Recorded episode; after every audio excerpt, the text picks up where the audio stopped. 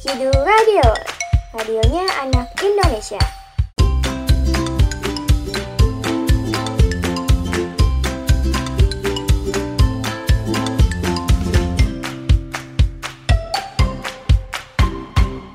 ...105,6 FM siaran praktikum komunikasi Sekolah Vokasi IPB Kidu Radio, radionya anak Indonesia.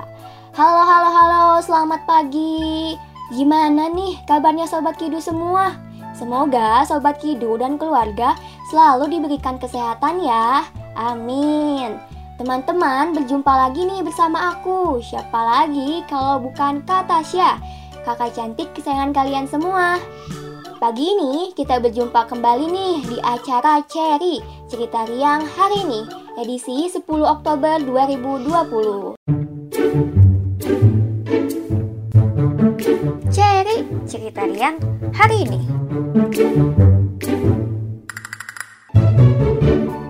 105,6 FM siaran praktikum komunikasi Sekolah Vokasi IPB Kidu Radio, radionya anak Indonesia Ngomong-ngomong, pagi-pagi gini Sobat Kidu di rumah lagi pada ngapain nih? Pasti lagi pada tiduran Hayo, siapa yang masih males-malesan? Nanti dimarahin mama kalian loh kalau males-malesan Yo ah, nggak boleh jadi anak yang malas Sobat Kidu kan anak yang rajin dan pintar. Nah, pagi ini Sobat Kidu harus semangat nih. Karena ada Kak Tasya di sini yang bakalan nemeni pagi kalian selama 45 menit ke depan. Kak Tasya bakalan berbagi cerita yang pastinya menarik dan sayang banget untuk kalian lewatkan. Jadi, Sobat Kidu jangan ke mana-mana ya. Tetap bersama Kak Tasya di acara Cherry Cerita Riang hari ini. Oh iya teman-teman, jangan lupa awali hari ini dengan berdoa supaya kita diberikan kebahagiaan. Yuk kita baca doa bersama-sama. Baca doa dimulai. Baca doa selesai. Sobat Kidu, supaya kita makin semangat pagi ini, kita dengerin dulu yuk lagu yang berjudul If You Are Happy and You Know It yang di-cover oleh Susan Reed. Selamat mendengarkan. Cherry cerita Rian hari ini.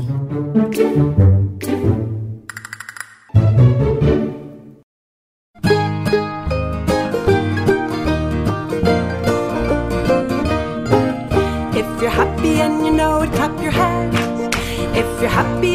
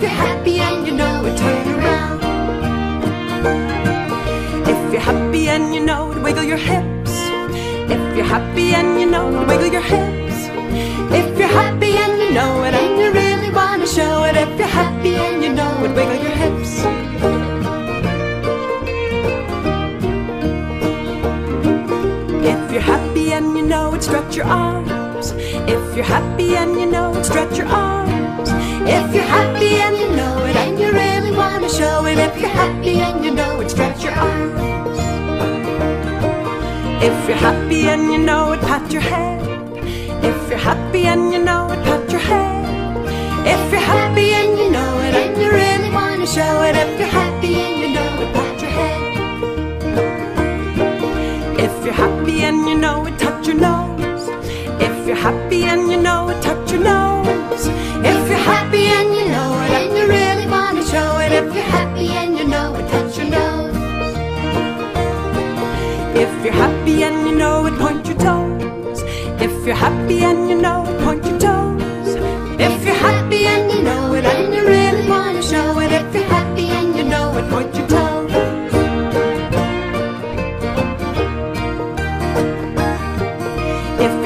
happy and you know it, shout hello. Hello. If you're happy and you know it, shout hello.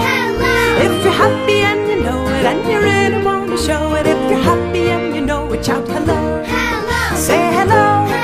Konnichiwa.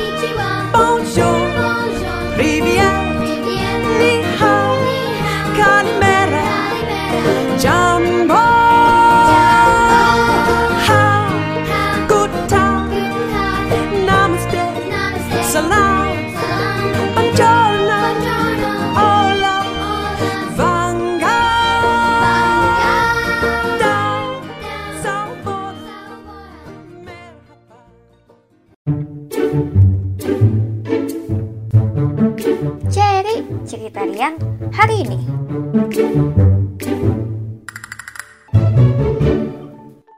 ...105,6 FM, siaran praktikum komunikasi Sekolah Vokasi IPB. Kidu Radio, radionya anak Indonesia. Nah, Sobat Kidu, gimana nih? Setelah mendengarkan lagu tadi, kalian tambah semangat bukan? Nah, hari ini Kak Tasya mau mengajak Sobat Kidu berkenalan lagi dengan hewan nih. Emang ya, kalau ngomongin hewan itu tidak ada habisnya. Selalu saja ada info hewan yang menarik untuk kita ketahui. Kalau sebelumnya kita berkenalan dengan hewan mamalia laut, kali ini Kak Tasya akan mengajak kalian berkenalan dengan hewan-hewan yang bertubuh mungil di dunia. Gimana, menarik bukan? Tapi sebelum itu, Kak Tasya mau menyampaikan fakta menarik dulu nih seputaran tentang hewan. Pastinya fakta ini tidak kalah menarik dan sayang banget untuk kalian lewatkan. Fakta menarik yang pertama adalah fakta tentang hewan jerapah. Ternyata jerapah itu dalam sehari mereka bisa memakan daun dan ranting sampai 40 kg. Wah, ternyata jerapah itu doyan makan ya teman-teman. Tapi meskipun jerapah ini doyan makan, jerapah ini jarang sekali minum. Mereka biasanya minum hanya sesekali saja dalam beberapa hari. Yang kedua adalah fakta menarik dari hewan gurun pasir. Yap, betul, unta. Unta bisa meminum air sebanyak 150 liter ketika mereka menemukan sumber air.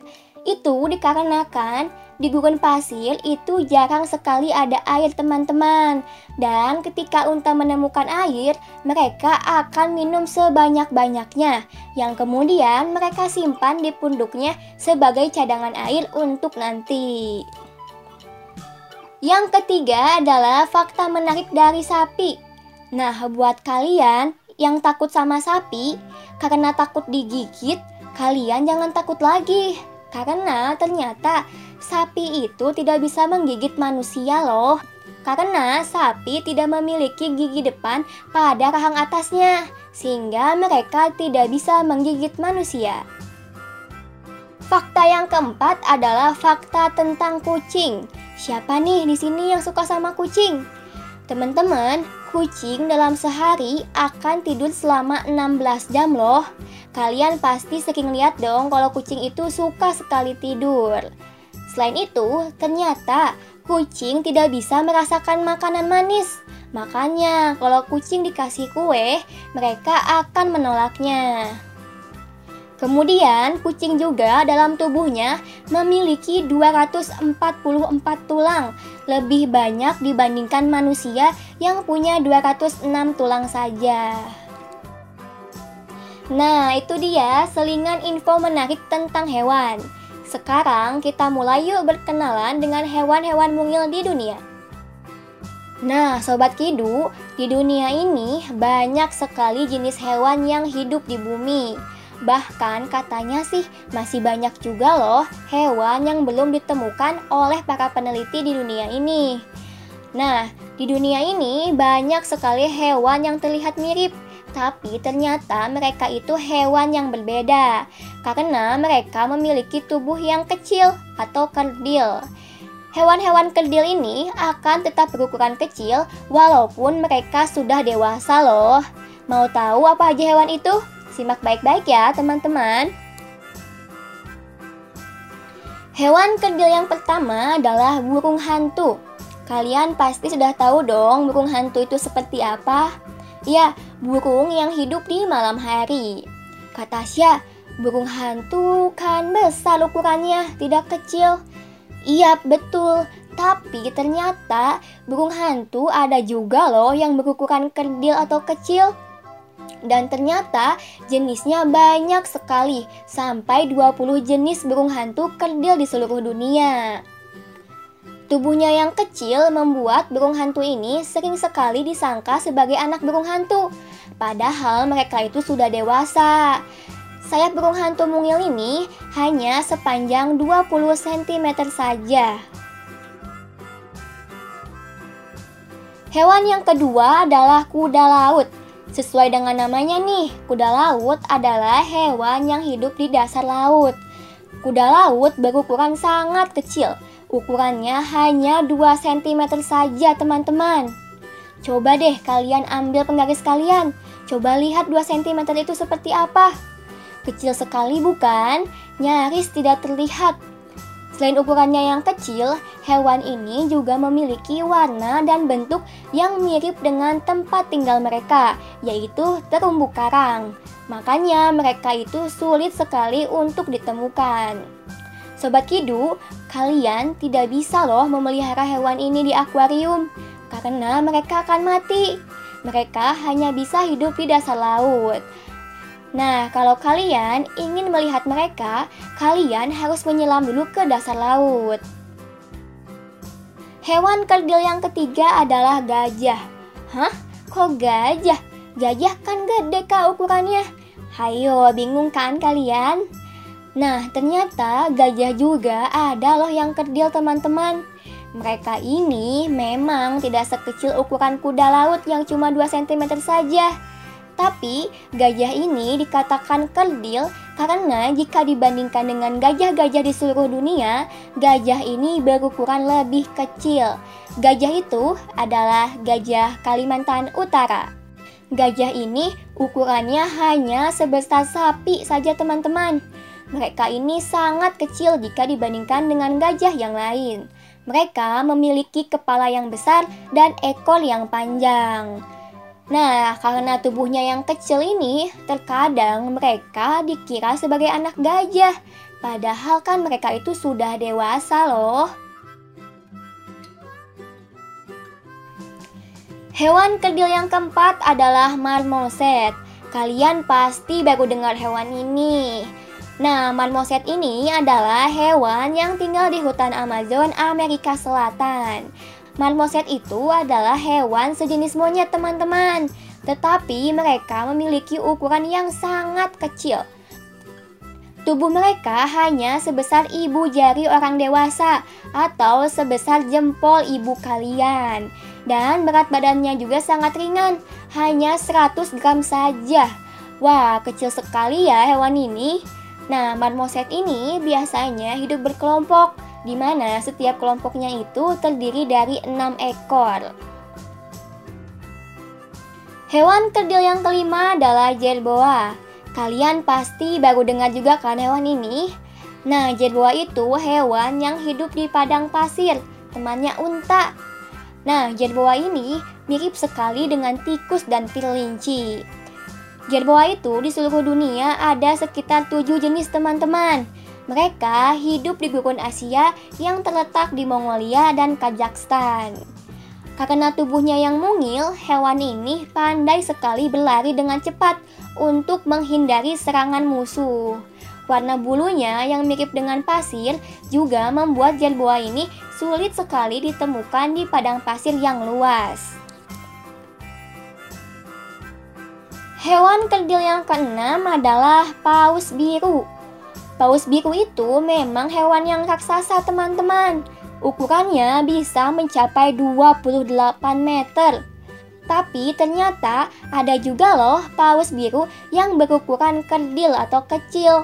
Mereka jika dibandingkan dengan paus biru kebanyakan, ukurannya lebih kecil. Nah, jika paus biru yang biasa itu berukuran 28 meter, nah kalau paus biru kerdil hanya berukuran 24 meter saja. Paus biru kerdil pertama kali ditemukan pada tahun 1962. Pada saat pertama kali ditemukan, mereka ini dikira anak paus biru, padahal mereka itu sudah dewasa. Hewan kerdil yang ketujuh adalah kelinci. Iya, kelinci yang lucu itu. Tapi ternyata mereka juga ada loh yang bertubuh kerdil atau kecil Ukurannya sangat kecil, hanya sebesar telapak tangan manusia atau segenggaman tangan kalian. Jadi, kalau kalian memegangnya, kalian bisa memegang mereka dengan satu tangan saja. Kelinci kerdil ini banyak sekali hidup di padang rumput Amerika Utara. Warna tubuh mereka ada macam-macam, ada yang berwarna putih, abu-abu, dan coklat.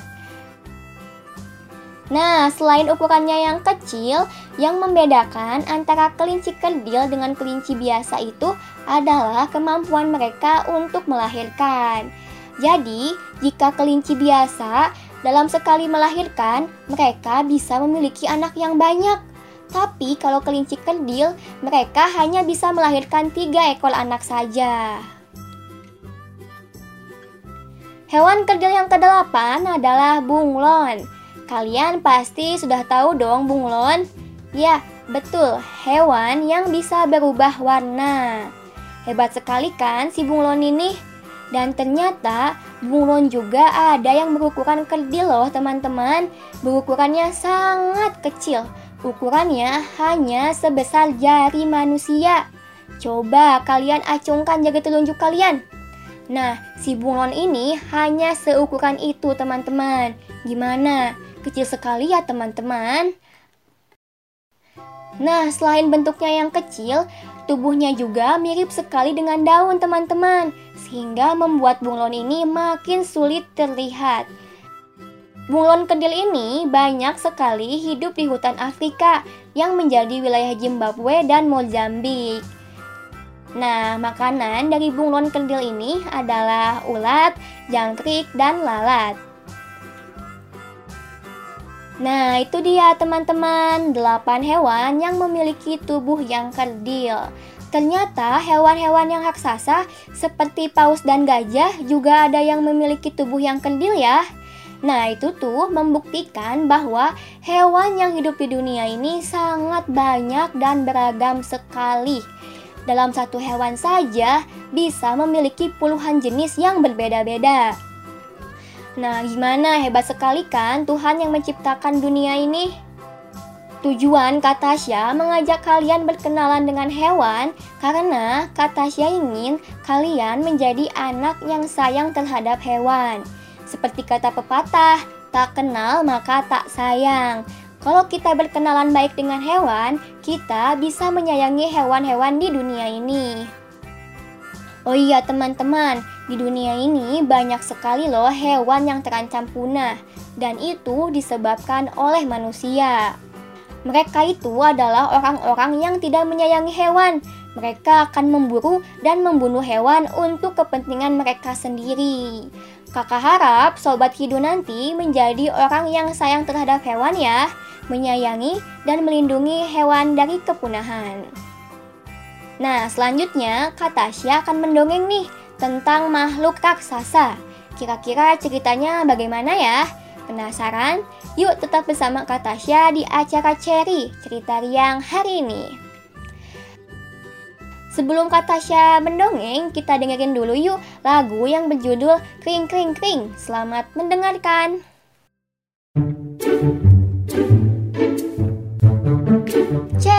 Cerita Riang hari ini.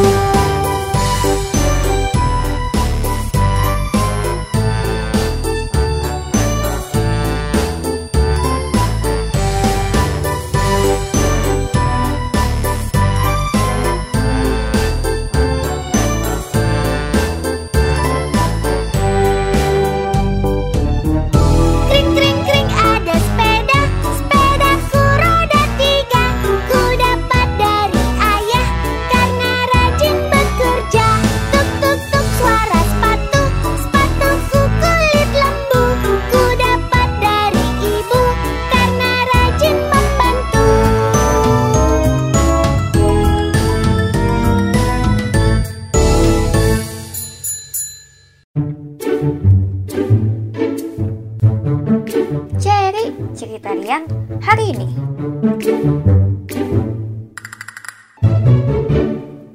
Aduh, panasnya hari ini. Kayaknya kalau kita minum susu seger nih.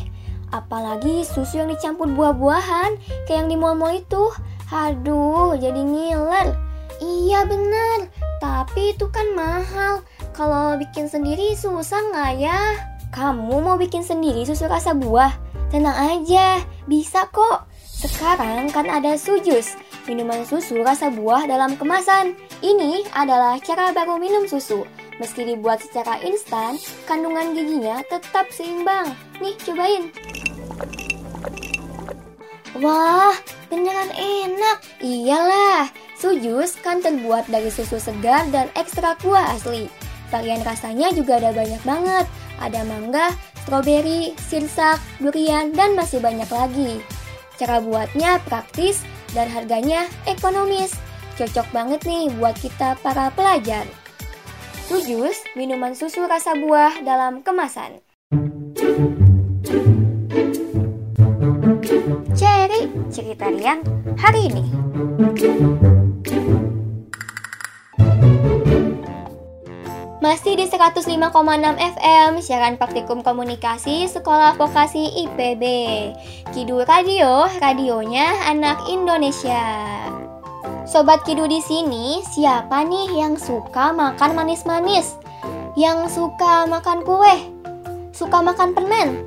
Atau yang suka makan pas malam-malam nih? Kata saya yakin pasti banyak yang suka. Nah, tapi kalian juga suka sikat gigi gak tuh? Hah, kalau sikat gigi sih kalian pasti pada males ya. Sobat Kidu, sikat gigi itu penting loh untuk kesehatan. Kalau gigi kita nggak sehat, kita bisa sakit gigi. Atau gigi kita bisa bolong karena dimakan oleh kuman-kuman yang bandel. Sikat gigi itu harus dua kali dalam sehari agar tidak ada sisa-sisa makanan yang menempel di gigi kita. Kalau gigi sobat kidu sehat, tubuh kalian juga akan kuat. Yuk rajin bersikat gigi dua kali sehari. Iklan layanan masyarakat ini dipersembahkan oleh Kidu Radio, radionya anak Indonesia. Cherry, cerita Rian hari ini.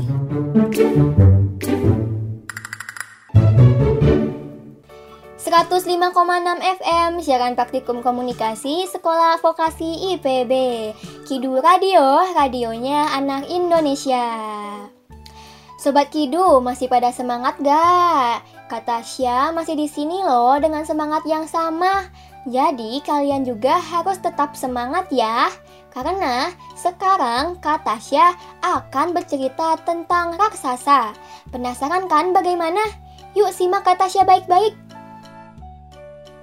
Sobat Kidu, banyak sekali loh cerita atau dongeng yang mengkisahkan tentang tokoh raksasa. Ada yang tahu tokoh apa aja? Kalau belum tahu, Kak Tasya akan memberitahu kalian sekarang. Yang pertama itu ada raksasa yang bernama Kebo Iwa.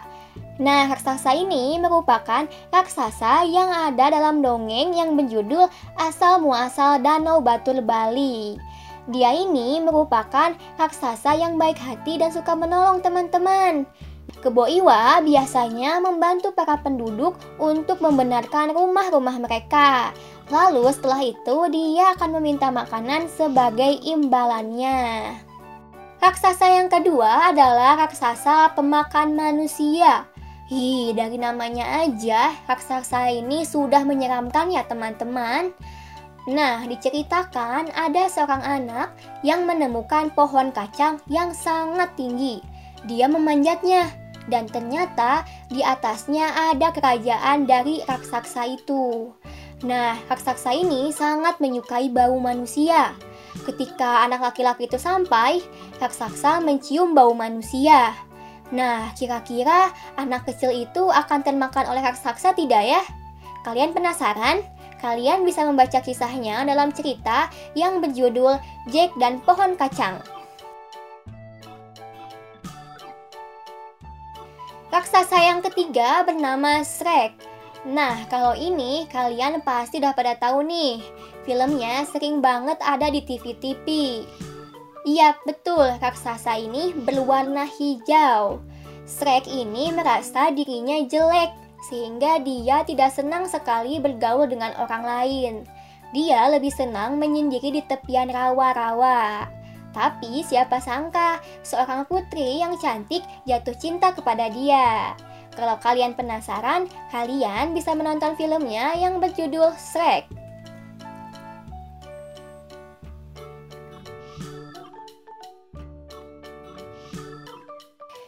Raksasa yang keempat bernama Buto Ijo.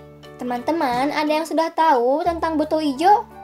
Nah, Buto Ijo itu sesuai namanya. Buto itu berarti besar dan ijo itu hijau. Jadi, Buto Ijo adalah raksasa yang berbadan besar dan tubuhnya berwarna hijau. Dia itu adalah raksasa yang jahat, teman-teman. Dia ingin merebut timun mas dari ibunya. Hmm, apakah Timun Mas akan berhasil melawan Buto Ijo? Atau jangan-jangan Buto Ijo yang berhasil merebut Timun Mas? Nah, dari keempat tokoh raksasa tadi, kira-kira yang mana ya yang bakal Katasya dongengkan hari ini? Hari ini, Katasya akan bercerita tentang Buto Ijo dan Timun Mas. Kalian sudah siap mendengarkan cerita Katasya? Kalau sudah, Yuk duduk yang manis dan simak baik-baik cerita Katasya.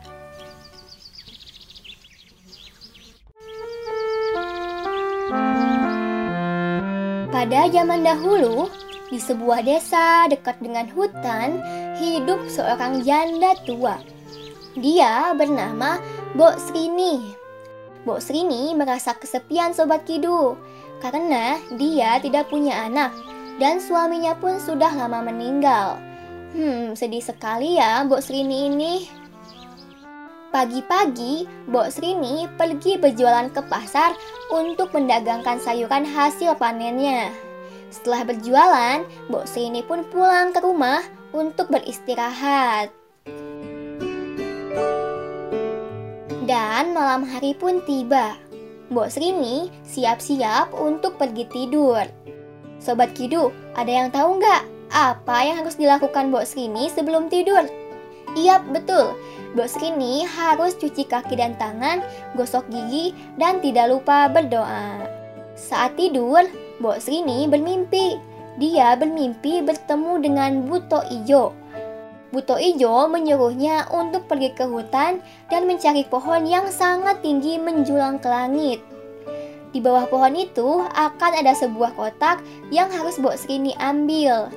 Katanya, Buto Ijo itu akan memberikan Bok Srini seorang anak perempuan jika dia melakukan perintah Buto Ijo. Pagi hari pun tiba. Bok Srini teringat mimpinya semalam. Sobat Kidu, kira-kira Bok Srini akan melakukan perintah Buto Ijo tidak ya? Nah, karena Bok Srini ini merasa kesepian dan ingin memiliki seorang anak, Bok Srini pun pergi ke hutan Sobat Kidu untuk mencari sebuah kotak yang dikatakan oleh Buto Ijo. Bok Srini pun masuk ke dalam hutan belantara. Dia mencari dan terus mencari.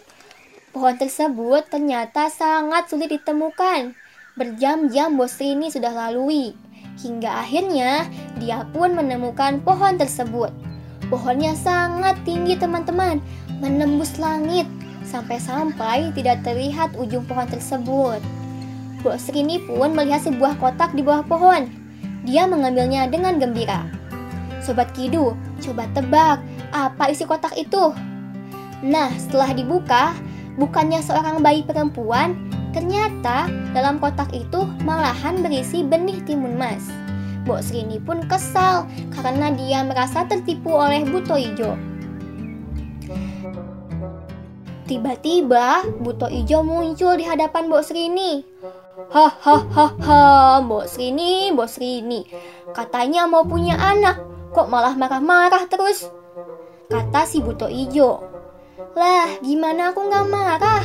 Aku kan maunya seorang anak, bukan benih timun mas. Jawab Mbok Srini. Kamu tanam saja pokoknya benih itu. Setelah berbuah, kamu ambil dan potong buahnya.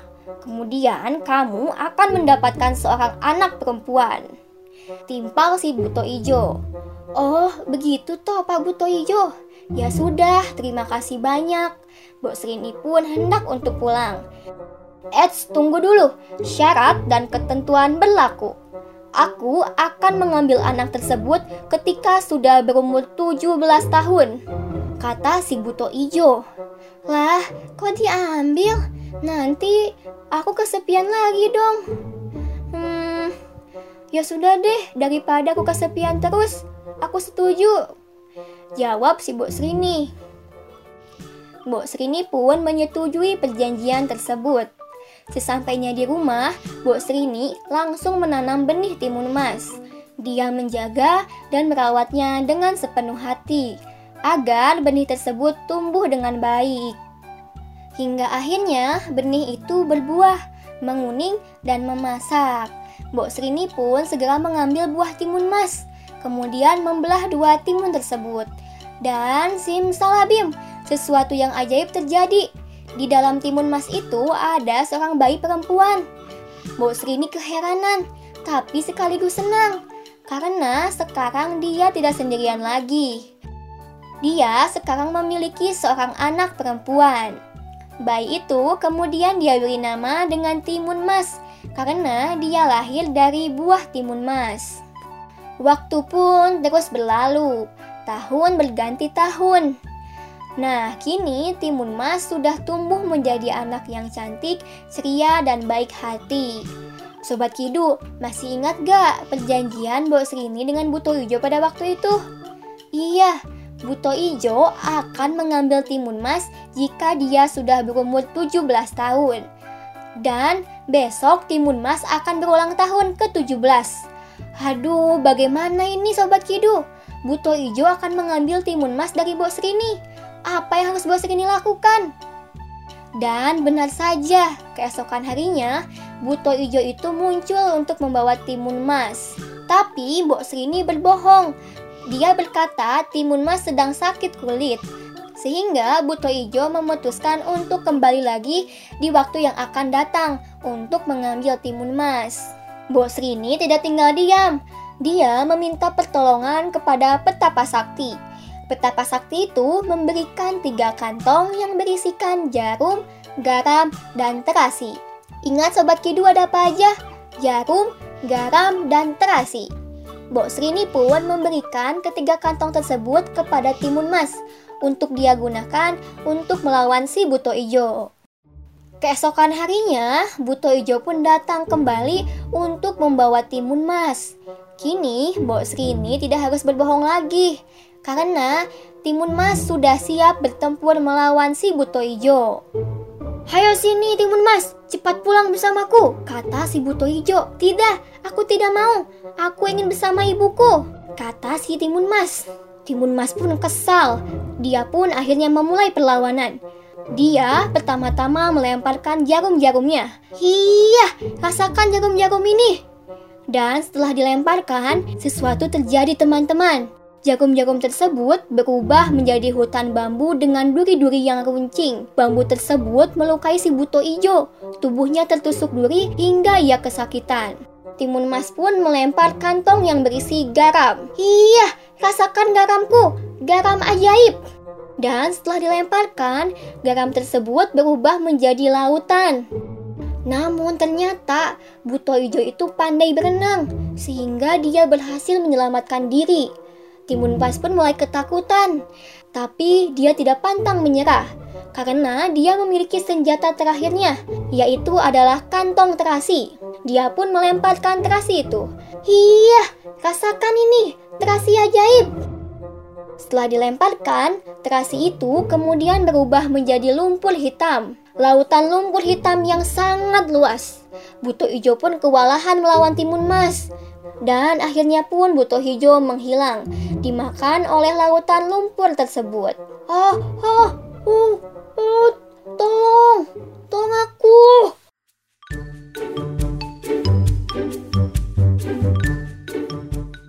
Akhirnya, Timun Mas pun terbebas dari buto hijau dan hidup bahagia bersama Mbok Srini selamanya. Nah, Sobat Kidu, dari cerita tersebut, kita mempelajari satu hal nih, bahwa kita harus memiliki tekad yang kuat dan tidak mudah menyerah. Kita harus terus berusaha sampai berhasil, seperti yang dilakukan oleh Timun Mas saat melawan Butu Ijo. Jadi, kalian juga tidak boleh pantang menyerah ya. Kalian harus tetap berusaha sampai tujuan kalian tercapai. Nah, kisah Timun Mas ini berasal dari daerah Jawa Tengah, teman-teman. Dan masih banyak loh dongeng Nusantara yang lain yang tidak kalah menarik untuk diceritakan. Mungkin akan kata saya ceritakan di lain waktu. Jadi, kalian jangan sampai ketinggalan mendengarkan episode Kidul selanjutnya. Nah, kalau tadi kita mendengarkan cerita dari Jawa Tengah, sekarang kita dengarkan dulu yuk lagu dari daerah Maluku yang berjudul Rasa Sayangi. Selamat mendengarkan.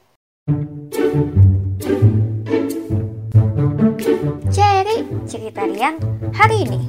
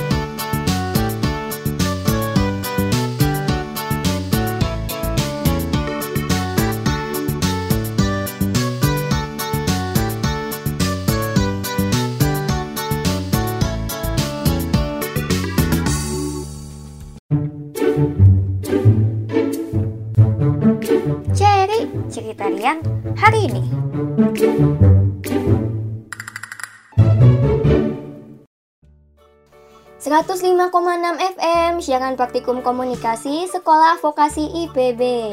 Kidul Radio, radionya anak Indonesia. Wah, Sobat Kidu, tidak terasa ya, sudah 45 menit saja kata saya menemani kalian. Bagaimana? Menarik bukan cerita kata hari ini? Mulai dari berkenalan dengan hewan kerdil di dunia sampai dongeng tentang timun mas. Banyak sekali loh pesan yang kita bisa ambil pada episode hari ini. Pertama, kita belajar mengenal hewan menjadi lebih dekat, sehingga kita bisa menjadi anak yang peduli dan sayang terhadap hewan. Kemudian, kita juga belajar dari timun mas untuk menjadi anak yang kuat, tangguh, dan tidak mudah menyerah. Kata harap kalian bisa menerapkan pesan-pesan ini di kehidupan kalian sehari-hari ya. Sebenarnya sih masih banyak cerita yang ingin Katasya sampaikan kepada kalian. Tapi sayang, waktu Katasya menemani kalian sudah habis. Jadi cerita hari ini sampai sini dulu ya teman-teman. Kita akan lanjut di episode berikutnya. Jadi Sobat Kidu jangan sampai ketinggalan ya untuk mendengarkan acara Cherry di episode berikutnya. Terima kasih nih buat Sobat Kidu yang sudah mendengarkan Katasya dari awal sampai akhir. Kalian bisa loh mengirimkan pesan dan kesan kalian selama mendengarkan acara Kidu. Caranya gampang kok. Kalian bisa mengirimkan SMS di nomor 0800 100. Kata Tasya ulangi ya, 0800 100. Kata Tasya tunggu ya kabar kalian. Tasya harap kalian selalu bahagia ketika mendengarkan acara Cherry. Kalian harus tetap semangat ya, walaupun di rumah aja. Kalian harus tetap rajin belajar di rumah, tetap jaga kesehatan, dan jangan lupa untuk selalu bersyukur. Salam juga ya buat orang tua kalian. Kalian harus berbakti ya kepada mereka. Jangan jadi anak yang nakal. Oke? Oke. Sekarang Kak Tasya pamit undur diri ya. Kalian jangan sedih, karena Kak Tasya akan berjumpa lagi dengan kalian besok dengan cerita yang menarik lainnya. Jadi sampai jumpa besok di jam 9 pagi. Pastinya di acara Cherry Cerita Riang hari ini. Hanya di Kidu Radio, radionya anak Indonesia. Oke, sekian hari ini. Sampai jumpa. Dadah. cerita Rian hari ini.